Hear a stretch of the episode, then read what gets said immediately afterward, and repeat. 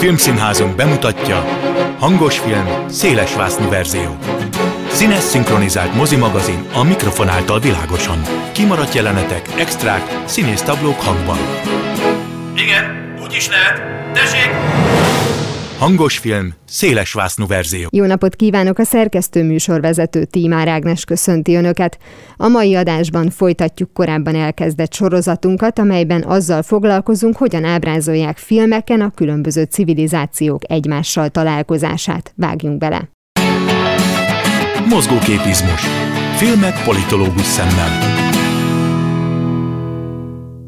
A múlt heti interjúban Pár Ádám történész politológussal olyan alkotásokat vizsgáltunk, mint az utolsó szamuráj vagy a hét év Tibetben. Ezen a héten még maradunk a környéken, pontosabban letáborozunk a távol-keleten. Sziám, Bután vagy éppen Nepál története elevenedik meg a központi cselekmény mellett azokban a játékfilmekben, amelyekről Pár Ádámmal a Méltányosság Politika Elemző Központ munkatársával beszélgetek a következőkben.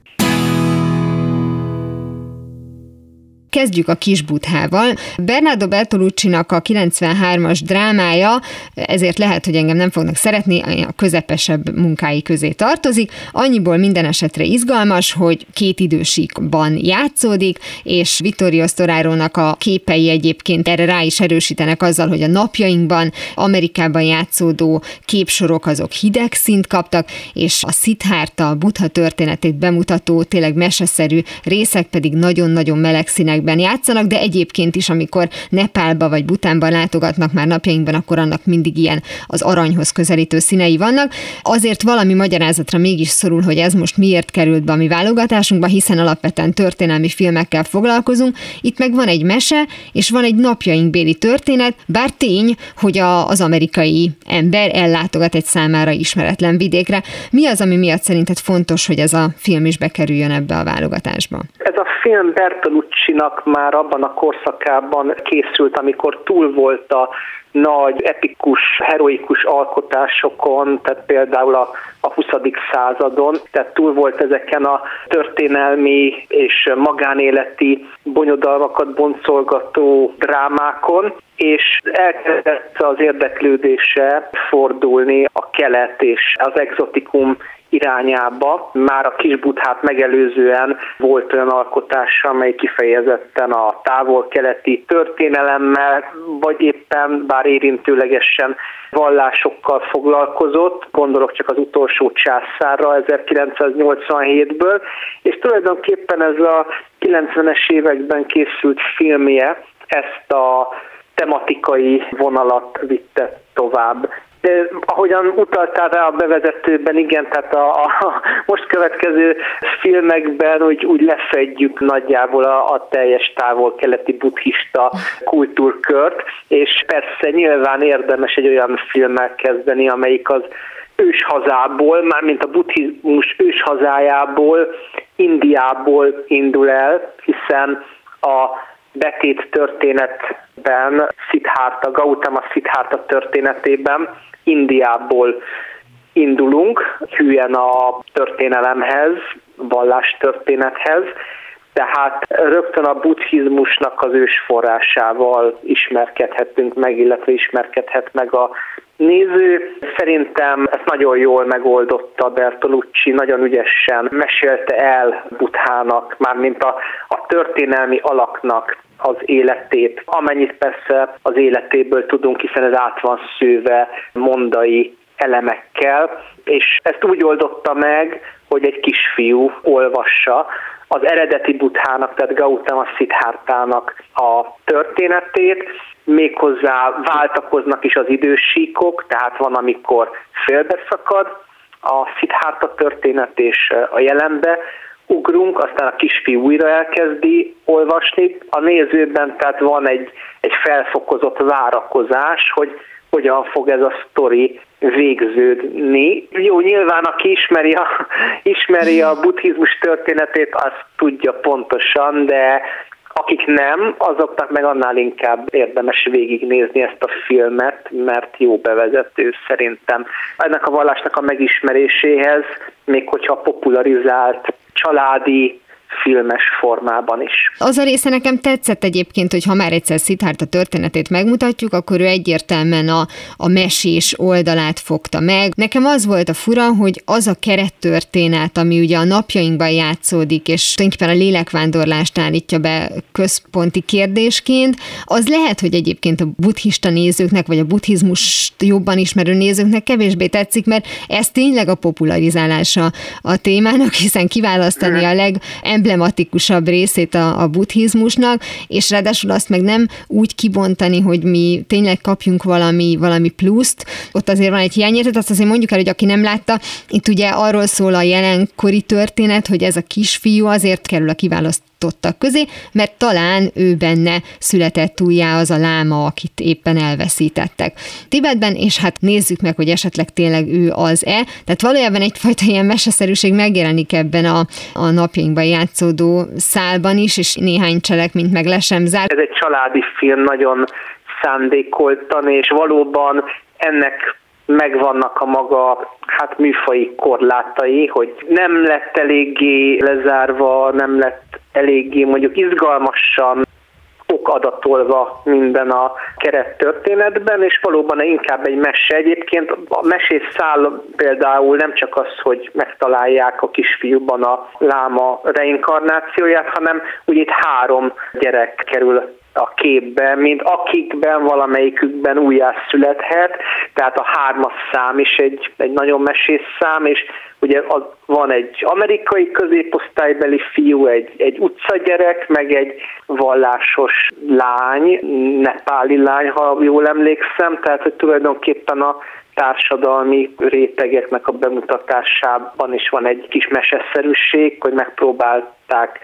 azt érzékeltetni, hogy hát tulajdonképpen bárki hordozhatja a láma reinkarnációját. Úgyhogy tulajdonképpen egy jó bevezető nyilván vallástörténeti szempontból, de Hát igen, nem tartozik a rendezőnek nyilván a legmélyebb alkotásai közé. Maradva egy kicsit a mesés vonalnál, meg a mesés színeknél, hogyha egyetértesz velem, akkor az Anna és a király legyen a következő film, amit megvizsgálunk. Ez egy regényből készült, aztán ugye Broadway musical lett belőle, és később készült el először az 56-os változat Anna és a Sziámi király címmel, ugye Jul Brunner főszereplésével, és aztán a, hát a, talán a mostani generáció számára ismertebb Anna és a király 99-ben Jodie Fosterrel és Csóján Fettel. Hát egyik sem oldja meg kettő óra alatt a, a történetet. Na, de itt viszont Sziánba utazunk tovább. Ugye ezt már a múltkor is megbeszéltük, hogy szeretjük mi európai szemmel összemosni ezeket a kultúrákat, na de azért kapcsolat akkor is van közöttük, tehát hogy itt most mennyire távolodunk el, ha nem is mondjuk a vallást illetően, de a lélektani részét illetően az előző közektől. Ugye mindenképpen Sziám egy önálló fejlődésű terület volt a 19.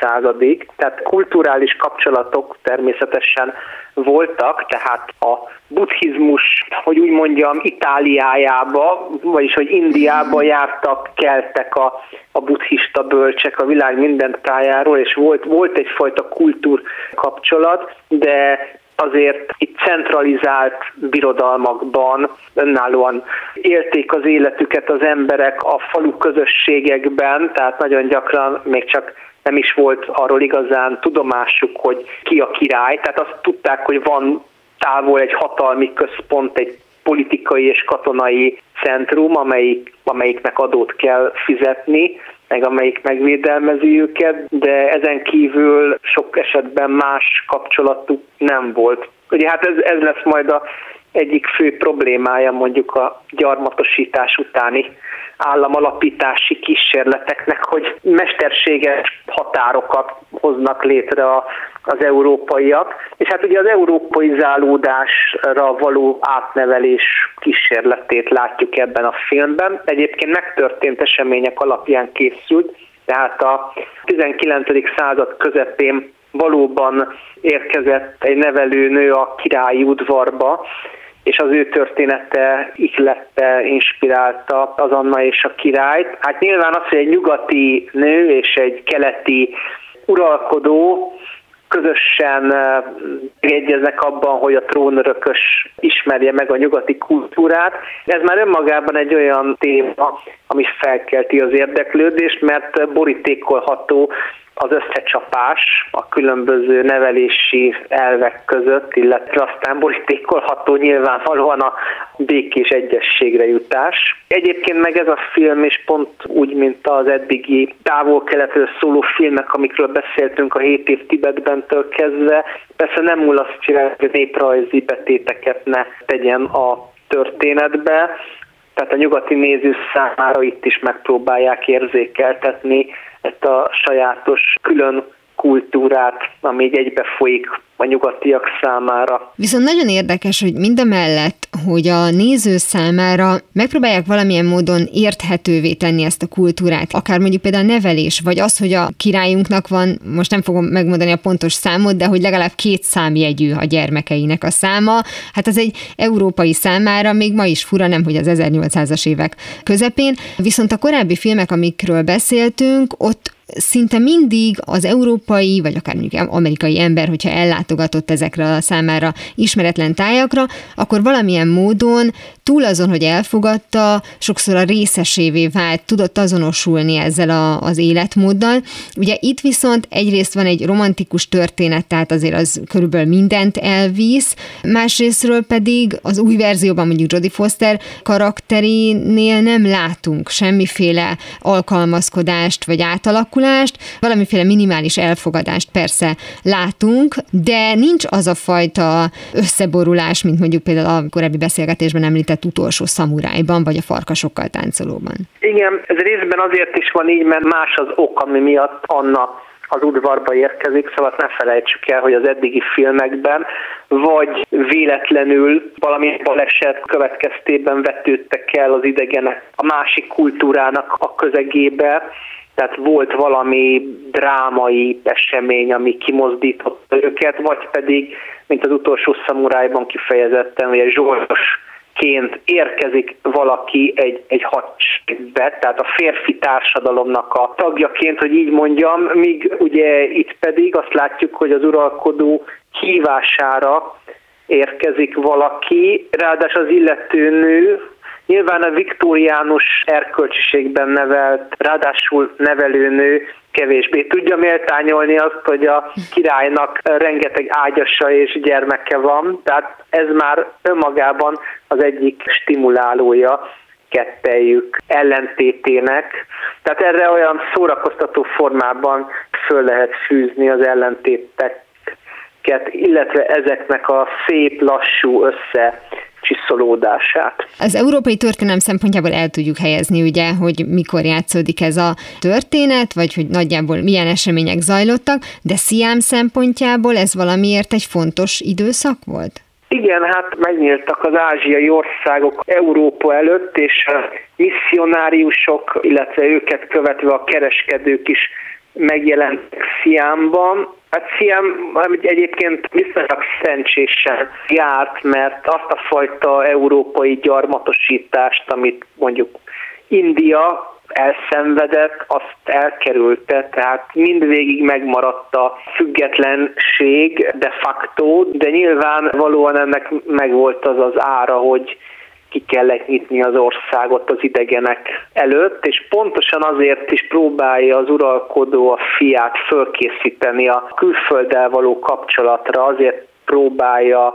számára a nyugati nevelési elveket behozatni, hogy majd felnőttként tudjon egyenrangúként tárgyalni a nyugatiakkal. Tehát ez az oka annak, hogy nyugatról hoz nevelőnőt az udvarba. Úgyhogy tulajdonképpen ugyanazt a mintát követi, mint amit Meiji császár csinált Japánban.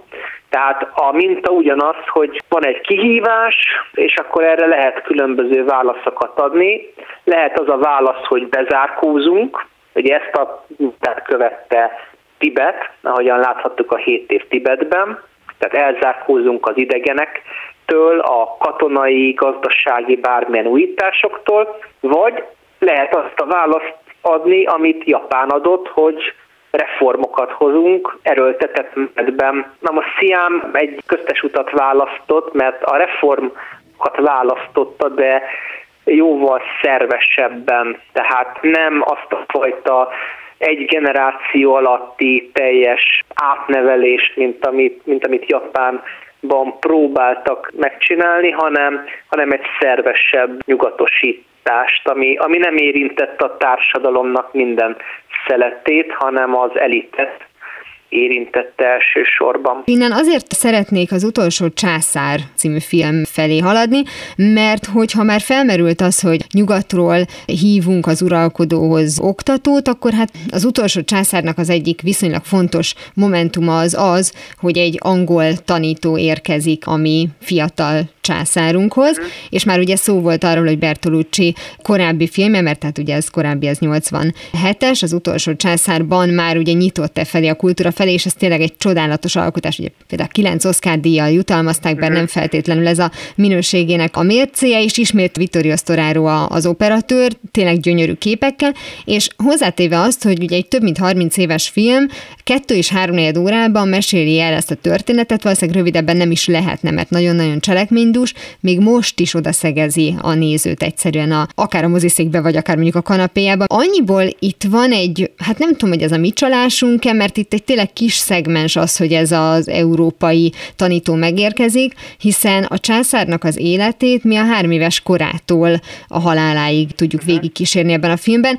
Ez a tanító pedig ugye ilyen 11-2 éves a, a császár, amikor megérkezik, tehát hogy itt is különböző idősíkokon keresztül ismerjük meg ezt a történetet, és tényleg egy ilyen nagyon unikális sztorit mutatnak be, illetve ezen keresztül ismerjük meg Kínának az egész történetét a 20. században. Uh-huh. Igen, valóban volt egy egyébként skót származású tanítója az utolsó császárnak, Puyinak, és ez valóban egy rövid ideig tartott ez a kapcsolat közöttük, viszont eléggé meghatározó volt ahogyan a filmben is láthatjuk például a fiatal császár a egyik kedvtelését, a kerékpározást pontosan a tanárának köszönhette, és önmagában az, hogy tőle hallott először a nyugati országoknak a politikai berendezkedéséről, amit szintén látunk a filmben, ugye amikor a, a különböző korok és politikai rendszerek, hogy mennyire összemosódnak, mikor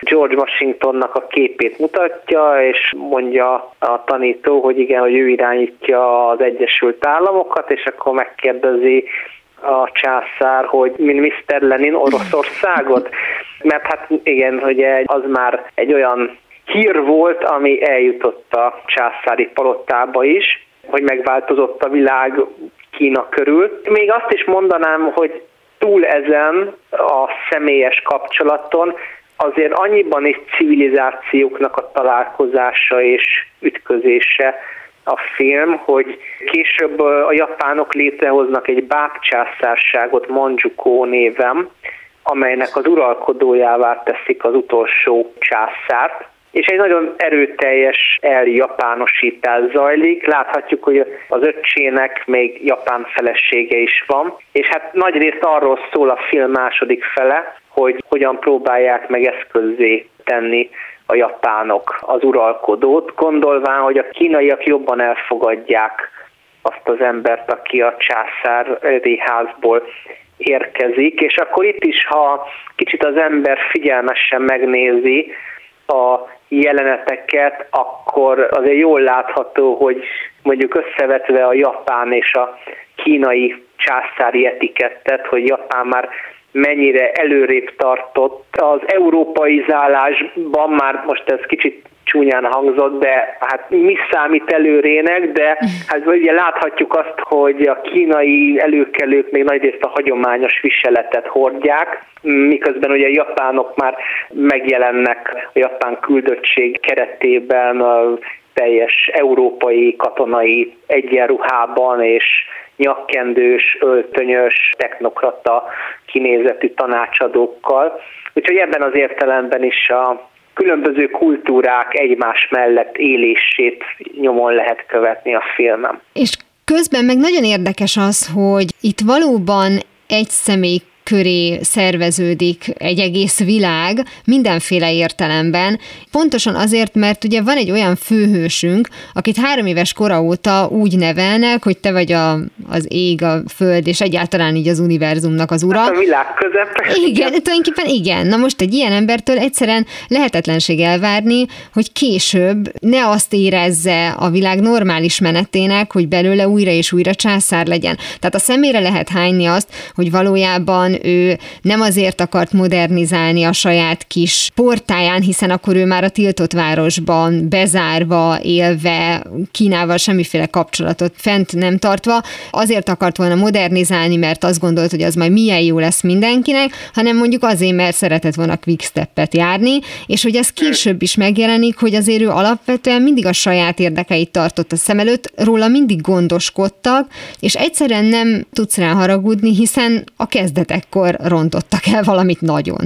Valóban ugye nincs nagyon alapja az ő esetében az önreflexiónak, tehát az önreflexió, mint olyan, az teljesen kimaradt a neveltetéséből. Hát pontosabban a skót származású tanára igyekszik rámutatni a hibáira is, tehát például amikor olvas egy ősi kínai feliratot, és akkor a fiatal császár tesz egy szemtelen megjegyzést, hogy én tudom, hogy ön tudja, hogy én tudom, hogy, hogy ön tudja, mi van fölírva oda, és akkor megfordul a tanára, és mondja neki hogy a tiszteletről. Szól ez a felirat, tehát, hogy ilyen értelemben véve persze voltak minták a számára, de miután el kellett hagyni a tiltott várost, és megszakadt a kapcsolat kettejük között, utána nyilvánvalóan ez a fajta önreflexivitás eltűnt.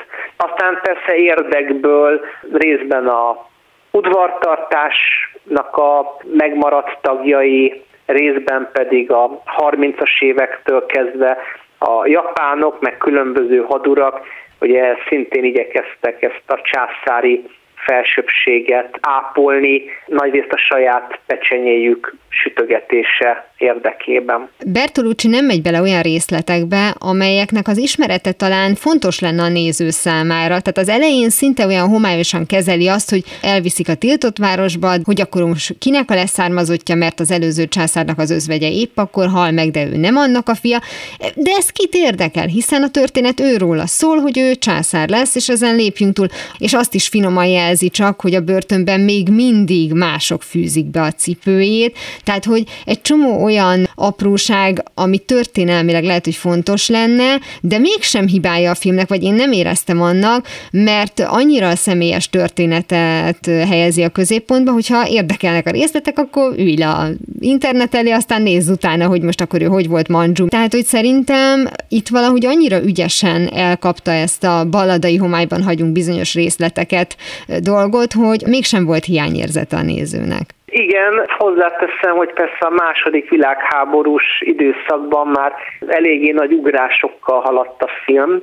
Hát ennek nyilvánvalóan persze oka maga a film idő kerete is, vagy a film készítésének az ideje, és valóban átugrottak olyan, olyan dolgokat, olyan eseményeket, amelyek azért fontosak köztörténeti szempontból, de hát igen, ezeket el lehet olvasni a magyar nyelven is megjelent emlékiratban. A Kína utolsó császára voltam című memoárban, és hát valóban egy nagyon jól sikerült filmalkotás, amelynek nincsen, nincsen semmilyen fölösleges perce, egy klasszikus életrajzi film. És egyébként van benne véleményalkotás Bertolucci részéről, hiszen ő egyébként a második világháború utáni felelősségre vonást a film alapján nekem úgy tűnik, hogy egyáltalán nem tartotta haszontalannak, de az azt Igen. követő rendszer, ahogy egyébként ugye az szinte recept szinten szokott zajlani, ami megtöri, ami már ugye a kommunista Kína létrejöttét hozza el, és már egyébként ezzel a megtört emberrel találkozunk, akin tényleg végig rohant a 20. század, és rajta hagyta a nyomát, hogy azért itt már mégiscsak van egyfajta rendezői, írói rendezői vélemény ebben. Igen, végső amikor szembesül a mozivásznon azzal, hogy a japán hadsereg Manjukóban, tehát a saját úgymond császárságában, ebben a bábállamban biológiai fegyverekkel kísérletezett helyi lakosokon, és ugye azt mondja a börtönparancsnok, hogy ezt nem kellett volna elismernie, hiszen nem tudhatta, hogy mi zajlott, akkor ugye azt válaszolja, hogy, hogy de hát ugye ez az ő felelőssége is. Elvileg mégiscsak ő volt az uralkodó. Tehát végsősorban vállalja ezt a tettet is, hogy mint uralkodó nem teljesítette a kötelességét az alatvalói érdekében. Úgyhogy nagyon finoman és kulturáltan, de valóban van egy ilyen felvetése a felelősségnek, és szerintem ez, ez mutatja azt, és egy kicsit hazabeszélve Magyarországra, hogy ez az, amit még a magyar történelmi filmek én szerintem nem tudnak, hogy hogyan lehet történelmi szereplőket úgy úgy megítélni, hogy, hogy közben nem ítéljük el őket, szóval nem kell a nézőnek a szájába rágni és, és ököllel ütni a fejét, hogy már pedig neked ezt kell gondolnod, hanem köszönöm szépen, de ezt a filmből szeretném én megtudni, és nem úgy akarom érezni magam, hogy most én én egy egyszerű történelemórán vagyok, vagy erkölcs prédikációt hallgatok, tehát úgy is lehet egy embernek a vétkeit, bűneit elmesélni a filmvászton, hogy az nem válik prédikációvá. De lehet, hogy ehhez kell egy kívülálló rendező, hiszen Bertolucci mégiscsak kívül. Ez is igaz. Úgyhogy akkor ez, keressünk, van. keressünk egy Bertolucci kategóriájú rendezőt, és kérjük meg, hogy esetleg a magyar történelmet vigye vászonra. Lehet, hogy akkor jól járnánk. Nyilván ennek is megvannak a nehézségei, ebben is rejlenek hiba lehetőségek, de a, a tartalmi szempont szempontból egy dolog biztos, hogy sokkal könnyebb a távolabbi kívülálló szemével a össztársadalmi, össznemzeti tettekkel szembesülni. Már persze ez egy tapintatos rendező is kell hozzáteszem. Ez volt már a hangos film szélesvásznú verzió. Legközelebb ismét szombaton délután fél kettőtől várom önöket. Természetesen a korábbi adásokat, ahogy a mait is hamarosan megtalálják archívumunkban, valamint podcastként. Kövessenek minket a Facebookon, és ha még nem tették, iratkozzanak fel YouTube csatornánkra. Köszönöm a figyelmüket, a szerkesztő műsorvezetőt, Tímár Ágnest hallották. Viszont hallásra! Hangos film, széles verzió.